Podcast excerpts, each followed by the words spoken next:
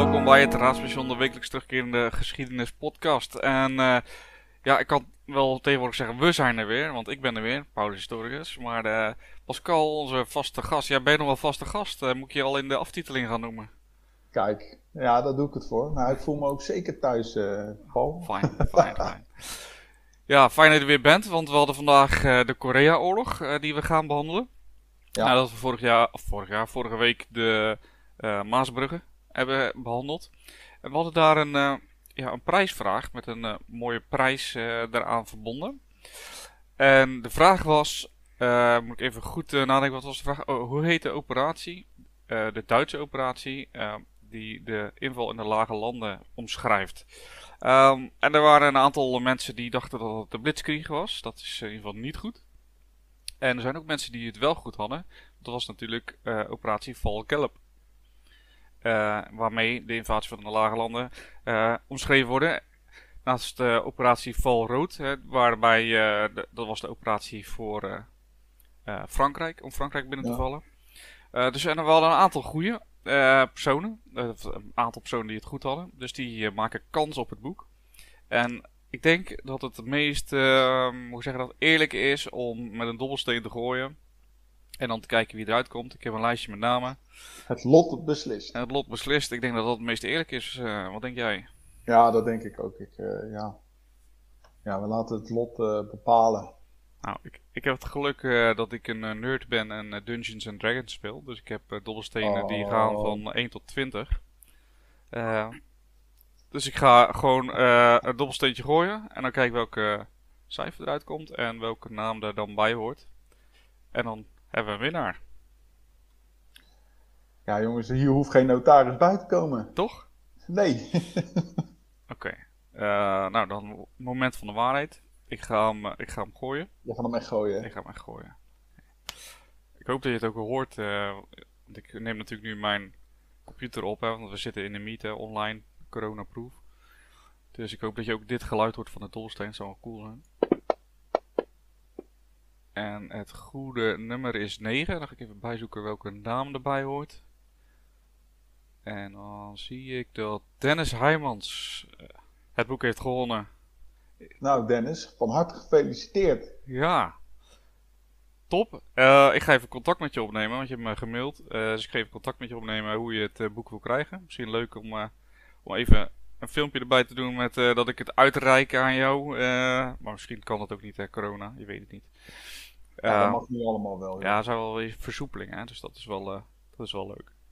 Fijn.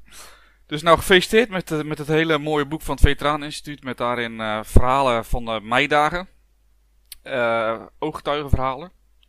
Zeer waardevol boek, hè. Want zoals we vorige week ook al zeiden, ooggetuigen die beginnen... Ja, de spoeling wordt dun, om het maar even heel respectloos misschien te zeggen. Maar ja, er zullen niet veel meer zijn die het echt hebben meegemaakt of mee hebben gevochten. Dus ja, als je zo'n boek hebt, ja, wel waardevol. Alright. Dan uh, lijkt het me een goed idee om nog heel even terug stil te staan bij Anne Frank. Want ik heb uh, toch wel gekeken een beetje naar reacties ook van mensen. Er zijn toch behoorlijk wat uh, historici ook die zeggen van ja, dit zijn grove beschuldigingen, maar aan, de, aan, het adres van Arnold. Zo, ja.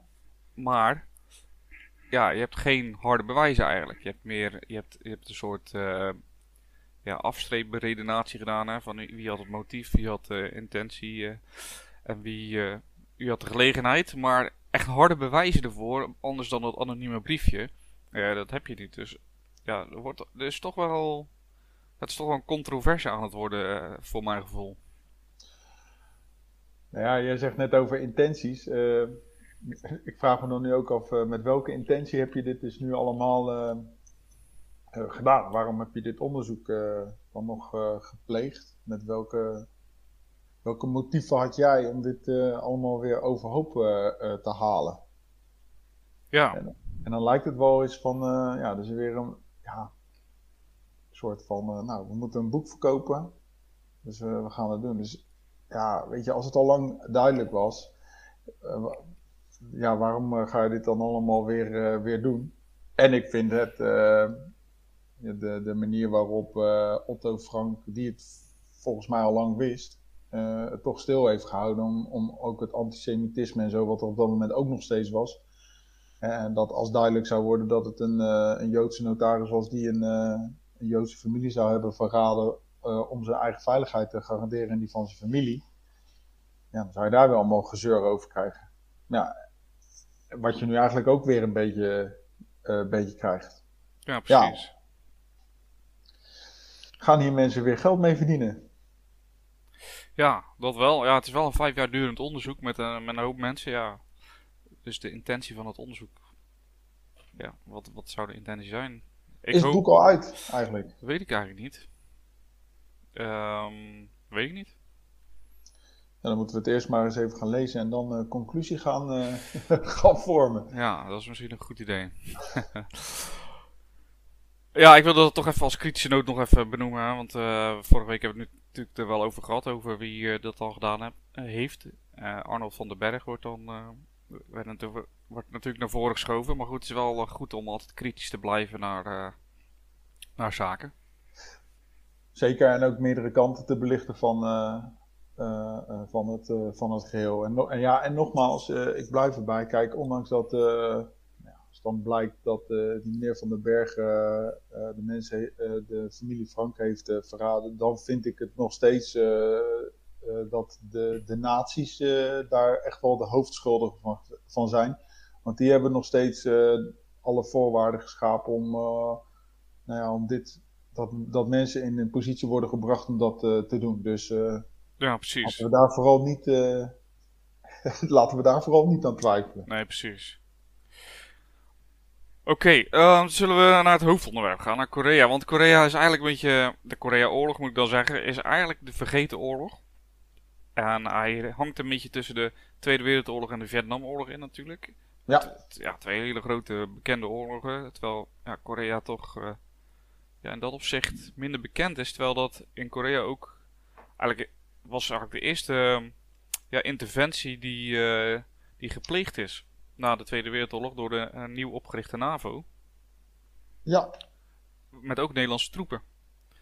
Um, dus laten we eens even kijken wanneer hoe dat nou gekomen is. Hè. En eigenlijk, toen ik dit verhaal, ik heb dit verhaal een keer op, een, op school verteld hè, aan mijn leerlingen. En toen viel het mij een beetje op dat Korea een beetje het Duitsland van, uh, van Azië was.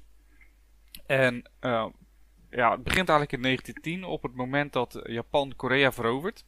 Japan is natuurlijk bezig in, uh, in, in Azië om een uh, groot rijk te stichten. Nou, Korea is een van de slachtoffers van, van Japan. In 1910 worden zij veroverd door Japan.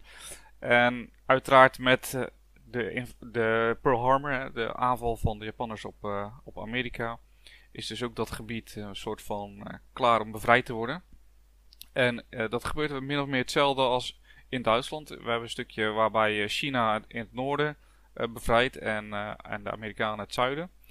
En um, na de Tweede Wereldoorlog zie je dat die Korea's, die twee stukken Korea's, die worden opgesplitst dus in een Noord en een Zuid.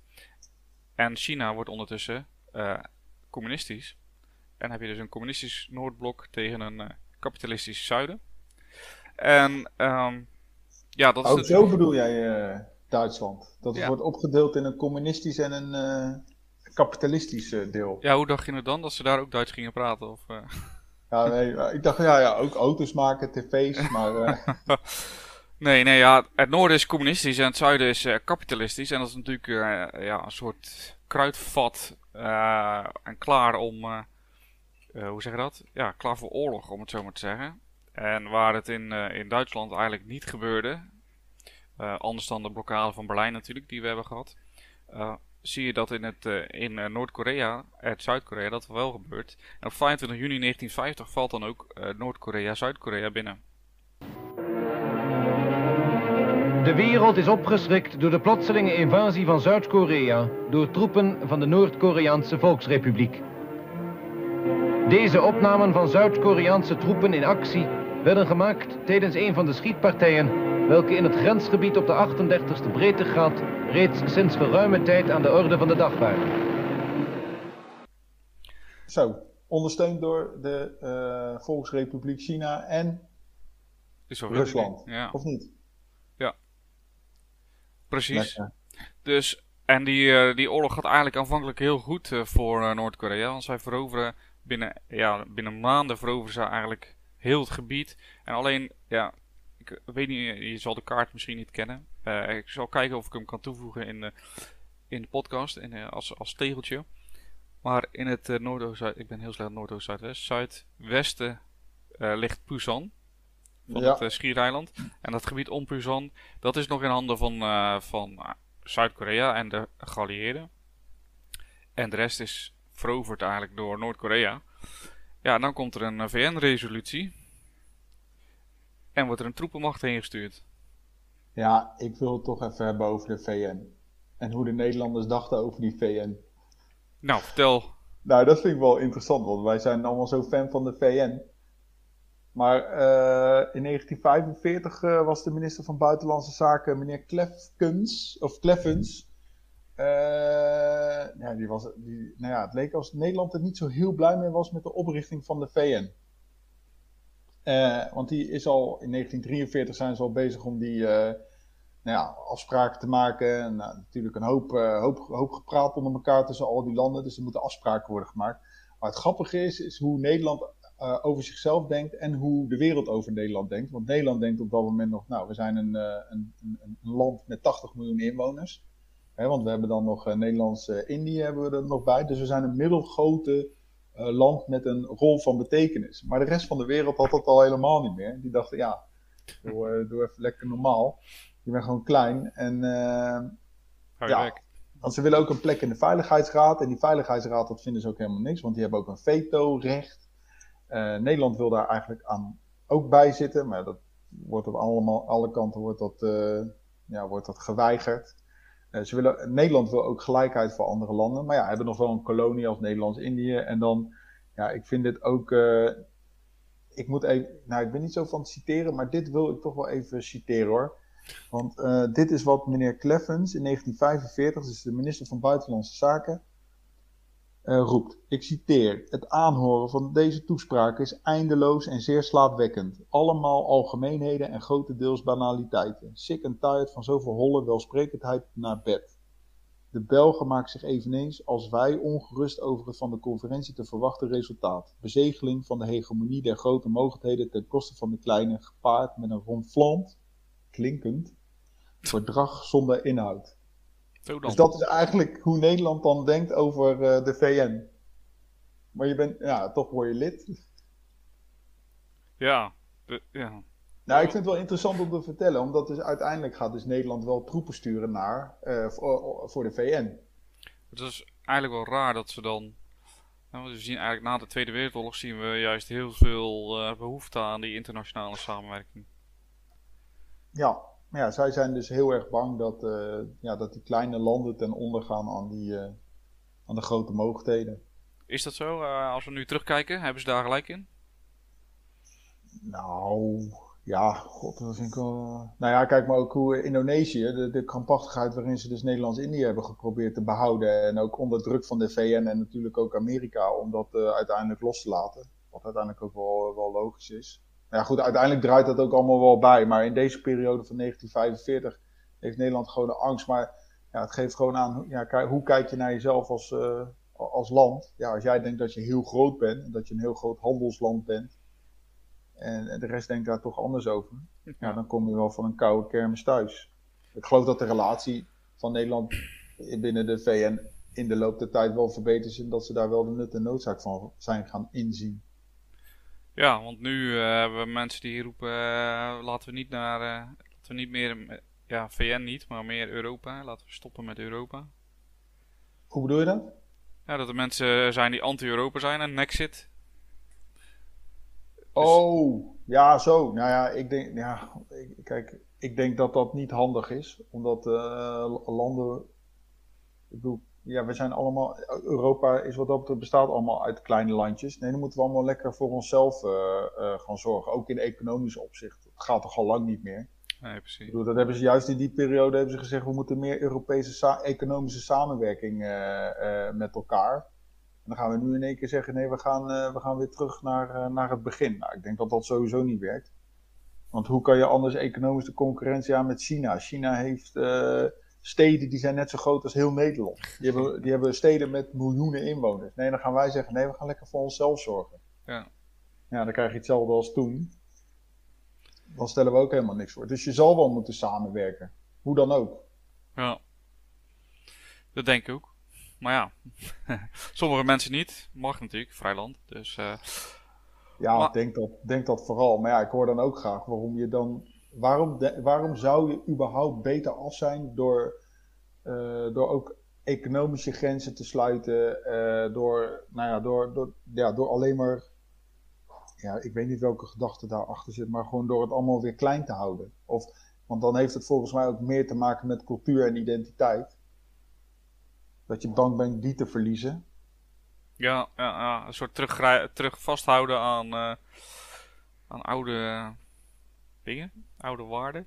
Je hoort natuurlijk ook heel vaak, uh, uh, hoeveel is dat in gulden bij wat oudere mensen? Hoeveel gulden is dat wel niet? En mijn ja. schoonvader zegt dat best vaak, hoeveel gulden is dat wel niet? Ja, dat kan je natuurlijk niet meer terugrekenen. Het is onmogelijk. Ja, ken jij nog mensen die, ken jij nog mensen die terugrekenen naar guldens? Ja, ja, ja, of ze het echt terugrekenen. Mijn schoonouders zijn wel een beetje van wat oudere stempel. Hè, maar, ze, pin, ze pinnen ook liever niet, hebben liever contant. Uh, ja, en ze, ze, ze, ze, zeggen wel vaak dat, zo, dat zoveel gulden is dat. Ja, als het dan gaat om, uh, weet veel. Ja, deze podcast is nu ten einde. We stoppen. nee, serieus joh? Ik, ja. ik, ik ken bij... Nee. Jij niet? Jij kent niemand? Nee. Nee. Nee, en anders heb ik ze gewoon verwijderd als, uh, als kennis. nee. ja, ja. Nou, dat... Nee, ja, so, nee, so, nee ik, maar ik reken zelf ook helemaal niet meer terug naar guldens. Dat is echt zo onzin. Ja, je kan, ik, kan, je kan het ook niet meer vergelijken natuurlijk, maar... Ja, sommige ja, mensen doen dat wel, dus blijkbaar.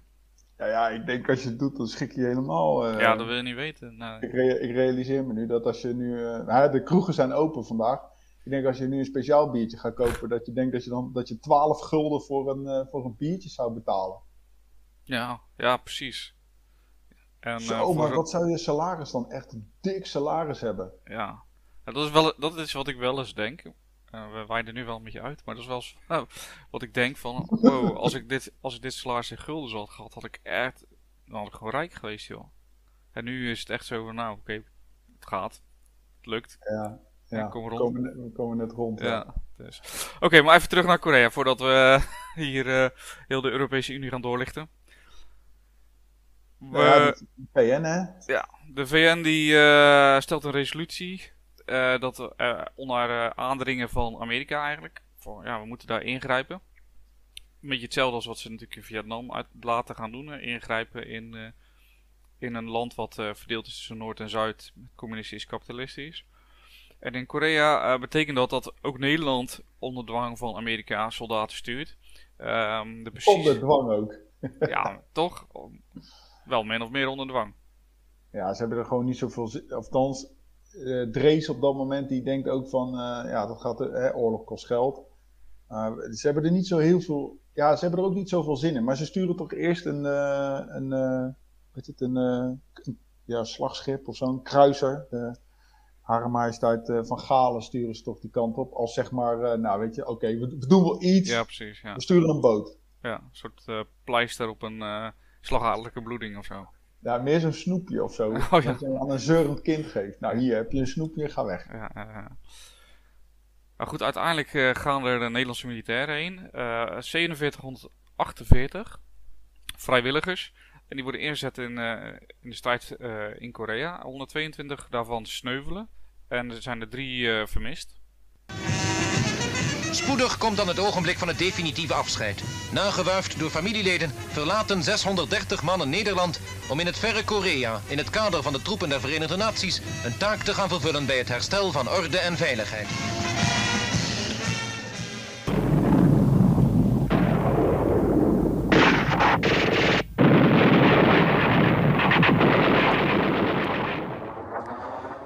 En die leveren best wel een, uh, een bijdrage ook. Uh, want ook die, die eenheden die zijn volgens mij ook onderscheiden door de Amerikanen.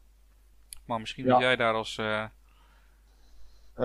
ja, ik had het even, ik heb het opgezocht. Er zijn al een aantal militaire Willemsorden zijn er uitgereikt. Ze hebben ook allemaal de infantry, infantry combat badge hebben ze, hebben ze gekregen. ja, vanwege hun verdiensten. En ja, ook als je weer die persoonlijke verhalen bekijkt, dan, dan is er gewoon echt wel hevige strijd geleverd.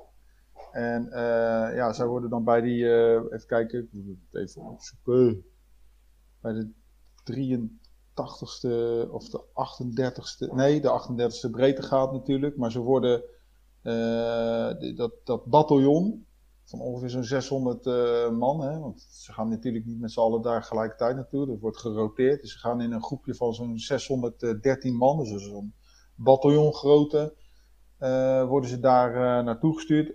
Maar ja, zo'n bataljon is niet een eenheid die zelfstandig kan opereren. Dus hij wordt dan ondergebracht bij een Amerikaanse eenheid. Ze krijgen ook Amerikaanse kleding. Dus ze krijgen dan de Amerikaanse helm, ze krijgen de, de Amerikaanse uitrusting, Amerikaanse geweren. En uh, ze krijgen dan ook uh, die Amerikaanse Indiaan, die dan heel kenmerkend is voor, uh, voor die eenheid. En ja, ze komen dus onder Amerikaanse bevel bij het, oh, het is wel waar wat ik zeg, bij het 38e regiment van de 2nd Infantry Division. Die hebben dan zo'n grote indiaan op hun, op hun, op hun arm. En ja, zij worden dus ingezet. Bij, en die zwaarste gevechten die dan worden geleverd is bij, bij Hung Song, Wong Yu en bij Inye. En Wong Yu, ik kwam dat een keer tegen, want er is ook een eenheid vandaag de dag, een Nederlandse eenheid volgens mij bij het 11e uh, bataljon van Heus. En dat is ook de Wonju Compagnie. Uh, en die dragen dus nog steeds die Indiaan in hun vaandel ter nagedachtenis aan die eenheid die in Korea heeft gevochten. En bij dat Hung ja, daar gaat het eigenlijk helemaal fout. Het is ook wel grappig te vermelden dat die, uh, die lui die worden opgeleid, die dachten, die kijken dan op zo'n kaart en die denken: hey, Korea, dat ligt zuidelijker dan uh, Nederland, dus er zal wel een subtropische klimaat zijn. Het zal er wel warm zijn. Ja, dan komen ze echt van de letterlijk figuurlijk koude kermis thuis, want het is onwijs koud. Het vriest daar keihard. Volgens mij worden er later ook in Korea de, de winterspelen gehouden. dus ja, als jij al met die perceptie gaat, hey, het ligt zuidelijker, dus het is warmer. Uh, ja, dat is dus helemaal niet zo. En uh, ongeveer bij die 38e breedtegraad wordt ontzettend zwaar gevochten. En die 38e breedtegraad, dat is belangrijke, ja, een belangrijke lijn. Want dat is tot op de dag van vandaag, is dat die lijn waarop Noord- en Zuid-Korea nog steeds verdeeld zijn. En wat ik ook niet wist, is dus dat het tot op de dag van vandaag nog steeds oorlog is. Dus die oorlog is nog nooit, het is daar nog steeds oorlog. Ja, en daarbij die strijd om uh, van 14 tot 12 februari. Ja, daar gaan uh, proberen, Chinezen proberen daar een doorbraak te forceren. Ja, en daar sneuvelen 17 Nederlanders, onder wie uh, de commandant van het Nederlands detachement van de Verenigde Naties, luitenant-kolonel MPA Den Oude. En ja, uiteindelijk die oorlog wordt, of die slag wordt niet echt beslist. en mensen gaan zich ingraven en dan krijg je een soort van loopgravenoorlog zoals we die kennen uit de Eerste Wereldoorlog. Ja, en dan worden er ja, eigenlijk gesprekken gevoerd over wapenstilstand. En dan ja, wordt het een beetje, dan wordt het wel rustig. Maar als je die ooggetuigenverslagen leest van die uh, vrijwilligers die daar naartoe zijn gegaan, ja, dan is er echt wel sprake van oorlog. Ja. Ja, want als we het even, even uitzoomen uit het Nederlandse stukje, dan zien we inderdaad dat ehm, dat in eerste instantie de Verenigde Naties eigenlijk ja, de Noord-Koreaanse troepen helemaal terugdringen bijna tot aan de grens met China. En op dat moment denkt China, dit gaat ons niet gebeuren. En die beginnen miljoenen manschappen te sturen ter ondersteuning van die oorlog. En ja. dan wordt eigenlijk dus die, die, die, troepen van de Verenigde Naties worden weer teruggedrongen. En tot naast, achter Seoul op een gegeven moment uh, weten ze zich te hergroeperen en weten ze die Chinezen weer wat terug te slaan. En dan inderdaad rond die 38e breedtegraad, uh, ja, daar zie je dat de, de, de padstelling eigenlijk uh, plaatsvindt. Hè. Daar vechten ze met elkaar, maar ze komen niet echt verder. While China's red forces continue to mass their armies, United Nations forces hammer at the 38th parallel. En dat is inderdaad tot op de dag van vandaag dan nog de, ja, de, de scheidslijn die Noord- en Zuid-Korea scheidt van elkaar. Uh, demilitarized zone, zeggen ze. Gedemilitariseerde zone. Maar waarschijnlijk een van de meest uh, bewaakte zones ter wereld. Uh, ja. Ja, en het is inderdaad een, een, een, een, Hoe zeg je dat? Staakt het vuur dat ze getekend hebben, maar geen, geen einde. Ja, vredesverklaring, zeg maar. Dus inderdaad zullen. theoretisch gezien, of eigenlijk niet alleen theoretisch gezien, leven ze nog in een staat van oorlog uh, met elkaar. Ja. 70 jaar alweer, hè? Ja. Het gaat hard. Nou, dat gaat zeker hard. Maar als je dus. Uh, nou ja, goed, wat, wat mij nog het meest uh, bijblijft of opvalt, is dat we het dus echt hebben over een vergeten oorlog. En dan vraag je af, ja, hoe kan het nou dat we binnen de Nederlandse geschiedenis daar zo weinig van afweten? Maar als ik er wat meer over lees, dan is het op dat moment ook iets niet wat Nederland heel graag wil. Hè? Want uiteindelijk schoorvoetend wordt er onder zware druk gezegd van nou, ja, het is leuk dat je uiteindelijk sturen ze zes uh, uh, marineschepen die kant op om, uh, om te ondersteunen. En, en de Van Gaal heeft ook daadwerkelijk aan gevechtsacties meegedaan, hè? dus door kustbeschietingen. En dan wordt er uiteindelijk gezegd van nou, we, we, we willen zo'n bataljon stuur dan een bataljon. Nou, uiteindelijk wordt er dan een bataljon gestuurd. Dat over guldens gesproken. Uh, dat kost de schatkist ook 67 miljoen uh, guldens. dat vinden ze ook best veel. Ja. Want ja, we hadden natuurlijk ook net uh, die oorlog of de politionele acties. Voor mij nou. Politionele acties in, in Indië. En het was natuurlijk de wederopbouw afhankelijk van Marshallhulp en dat soort dingen allemaal. Maar um, over vergeten gesproken. In Nederland op dat moment is het ook een beetje, uh, nou letterlijk en figuurlijk ver van je bedshow. Maar er wordt namelijk ook, er gaan geen ministers naartoe, er gaan geen hoogwaardigheidsbekleders die eenheid bezoeken. Dus ook in de periode dat daar Nederlandse militairen zaten, is er ook niemand op bezoek geweest. Dus het is al letterlijk in de periode dat daar mensen zaten, werden ze al vergeten of hadden mensen al het gevoel van ja, we zitten hier aan het eind van de lijn uh, en niemand weet dat wij hier zitten. En uh, ja, dat vind ik wel, ja, achteraf gezien natuurlijk is dat een, een kwalijke zaak. Want je wordt met veel bombardie die kant op gestuurd dat je strijdt voor de goede zaak. Maar daarna wordt er helemaal geen aandacht meer aangegeven. En ik kan me best voorstellen dat dat iets, dat doet wel iets met het, uh, dat doet iets met het moreel. Uh, en ga, want daar was daar ook verder ook helemaal niks. En uh, ja. is, is, dat wel, dat is dus wel gebruikelijk eigenlijk, dat, dat iemand op bezoek komt bij, bij troepen, zeg maar, als ik dit zo hoor.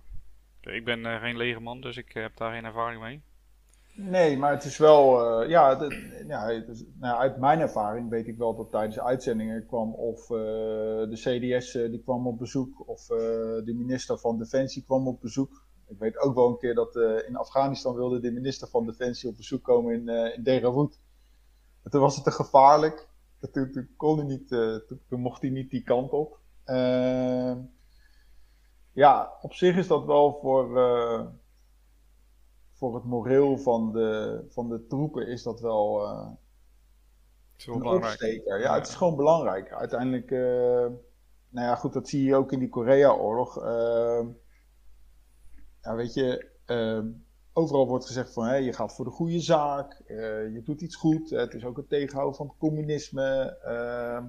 Je doet het voor de VN. Ja, en uiteindelijk zit je daar en als dan niemand naar je omkijkt, en, en zeker dan niet de mensen uh, die, die, die jou hebben weggestuurd. Ja. Ja, vraag, waarom doe ik het? Waarom ja, wat doe je het dan? Ja, waar zit ik hier eigenlijk voor? Kijk, en het is natuurlijk altijd moeilijk om, om erachter te komen wat dan de persoonlijke redenen zijn van van mensen om je als vrijwilliger aan te melden.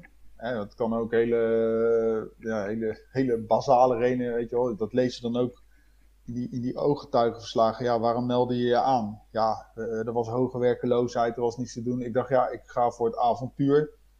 Uh, er zijn ook boeken uh, van mensen, ook ja, niet heel veel, maar er, zijn ook gewoon verhalen van Nederlanders die bij de Waffen-SS hebben gezeten, de Nederlandse Waffen-SS terug zijn gekomen en ook weer dienst hebben genomen als vrijwilliger om naar, naar Korea te gaan. Die hadden natuurlijk ook alweer wat gevechtservaring.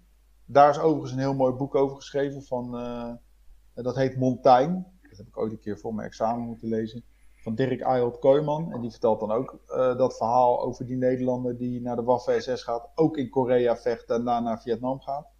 Dus ja, natuurlijk zijn er hele uh, persoonlijke redenen om, om daar naartoe te gaan. Ja, als je daar al wordt vergeten.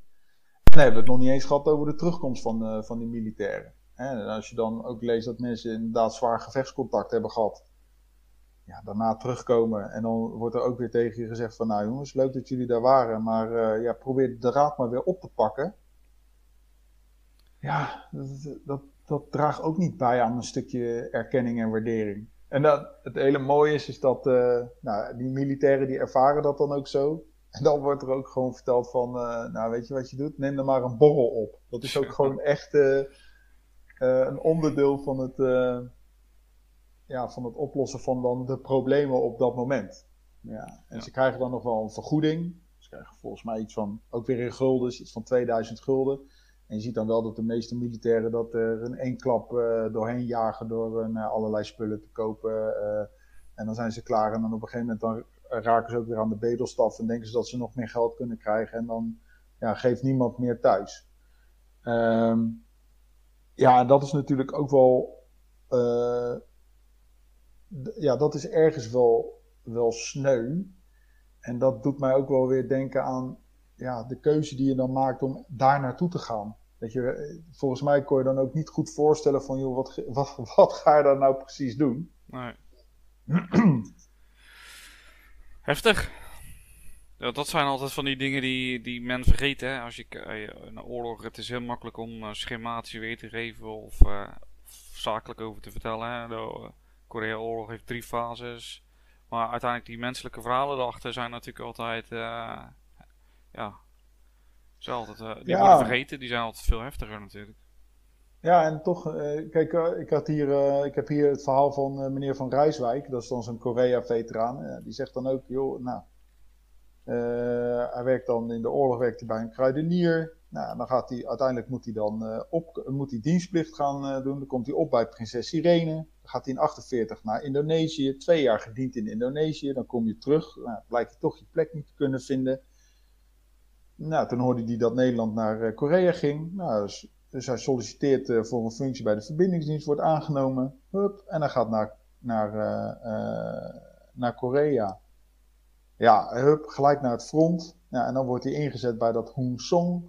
Ja, en als je dat dan leest over uh, ja, dat hij samen met de Koreanen dan deel moet nemen aan een operatie, dat heet dan de operatie Roundup. Ehm, ja, stuit tegen heel veel Chinezen aan en wordt teruggedrongen. Ja, dan denk ik, dit is gewoon een complete oorlog waar die man in verzeild raakt. En het verhaal dat hij daadwerkelijk dat gevechtscontact heeft, het, het, gaat alleen maar over chaos, de verwarring is groot. Ehm, wie schiet op wie. Uh, hij kon geen eten meer vinden. Uh, zonder eten moeten ze daar gaan vechten. Uh, ja, het, het, is gewoon één grote doffe ellende. Uiteindelijk weten ze in al die chaos weten ze te hergroeperen bij de Amerikanen. Kunnen ze terug naar het, uh, naar het vliegveld. Ja, en dan worden ze dus geëvacueerd. Ja, en moet je kijken hoeveel heftige dingen er dan gebeuren in een tijdbestek van twee, drie dagen. En dat is echt, ja, dat is echt bizar. Nou, en als je dit verhaal van die meneer van Rijswijk wil horen, dan uh, is er in het Nationaal Militair Museum hebben ze daar een, een, hele aflevering over gemaakt. En dan kan je het complete verhaal horen. Maar het geeft gewoon aan van ja, hoe, hoe iemand dus in zo'n conflict verzeild raakt. Omdat uh, nou ja, wij vinden dat, uh, dat we dat communisme moeten indammen. Ja. Nou, wel een goede tip. Uh, waar zit het Militair Museum? Dat zit in Soesterberg. Oh, is dat gewoon bij, de, bij de lucht... ja, de vliegbasis. Vliegbasis, ja. Oh, ja. vliegbasis. Daar ben ik wel eens geweest, volgens mij. Is dat Uh, even denken, ik, uh, waren vooral, vooral luchtmacht geschiedenis was daar toen de tijd. Nee, nee. Ja, toen de tijd wel. Want je had, vroeger had je, hoe heet het, legermuseum, luchtmacht had een museum en ja, de marine, dat is nu nog steeds. De mariniersmuseum heeft, de, Defensie heeft gezegd, nou weet je wat, die musea, dat gaan we allemaal samentrekken. En dan maken we één groot museum van, op vliegbasis Soesterberg. En dan heb je nu nog het Nationaal Militair Museum. Uh, het Mariniersmuseum in Rotterdam, ook een aanrader. En uh, het Marinemuseum in Den Helder natuurlijk. En nee, het NMM is echt, echt een aanrader. Want dan ga je dus aan de hand van al die voertuigen die je ziet, maak je dus ook een soort ja, rit door de, door de tijd. Uh, waarin dus ook al die conflicten en vredesoperaties waar Nederland aan heeft deelgenomen, uh, dat kan je dus allemaal zien. En ja, ik moet er elke keer wel bij vermelden dat er, er staat namelijk ook een, een, een, stuk geschut, een M109. En dat is precies de M109 waar ik mijn eerste functie als stukscommandant op heb gedaan. Dus dat is ook wel grappig. Ja, dat uh, voor mij een keer in een filmpje. Ja, dat heb ik. ah. ik vind het ook wel grappig om te vermelden. Slaat ja, ja, ja. Nou ja, mag je trots op zijn, toch? Ja, ja, een beetje wel. Ja, ja nou, daarom. Oké. Okay. Zo, ja, zover de Korea-oorlog, denk ik. Tenzij je nog, uh, nog wat aanvulling hebt, maar ik denk dat we het, het grootste uh, gros hebben behandeld. Ja. ja, ik denk het wel, ja. Ja, um, ik heb als het goed is een uh, aantal geluidsfragmentjes die ik nog even erin monteer, dus dat weet jij niet, uh, Pascal. Maar uh, er zijn wel wat geluidsfragmenten van, ook van het Polygoon journaal. Dus dat is ook wel interessant om, uh, om even te, te beluisteren.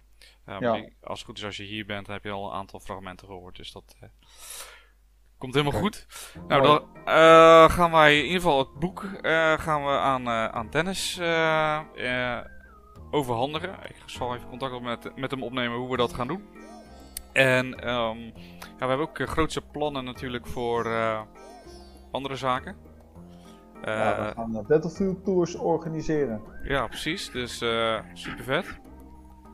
Um, maar goed, dan moeten we nog even, even goed om de tafel zitten hoe we dat gaan doen.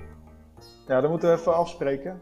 Ja. En dan, nou, dan moeten we alvast even... Ja, we moeten gewoon even een idee hebben waar... Welke slag... Welke, welk gevecht eh, we dan willen gaan, eh, aan de hand van de Battlefield Tour willen gaan, gaan bespreken. Ja, dat is goed. Oké, dan, ehm, ja, dan wil ik je weer bedanken, Pascal, voor deze, voor deze aflevering. Ja, ik jou ook. En uh, ja, de volgende week een nieuwe aflevering. Um, ben, je dan, ben je weer van de partij of zijn we nou ook klaar een weekje over? Wat jij wil, Paul. Ik vind het super leuk om te doen. Dus ik, uh, ik, doe, ik, ik, ik, deel graag mee. Maar zeg maar, je mag het zeggen. Het maakt mij, mij maakt het niet uit. Ik vind het leuk om te doen. Dus als jij zegt, nou, ik vind het leuk om het samen te doen. Nou, dan ben ik je man. Dan uh, ben ik er volgende week bij. Nou, gezellig. Dan uh, nodig ik je weer uit. Top. Oké. Okay. Nou, jij bent erbij. dat is mooi. dan wil ik jullie hartelijk bedanken voor het luisteren. mochten jullie nog vragen of opmerkingen hebben, stuur ze dan naar geschiedenis.paulushistoricus.nl uh, En dan zien we, of horen jullie ons volgende week weer. Mooi. Later. Later.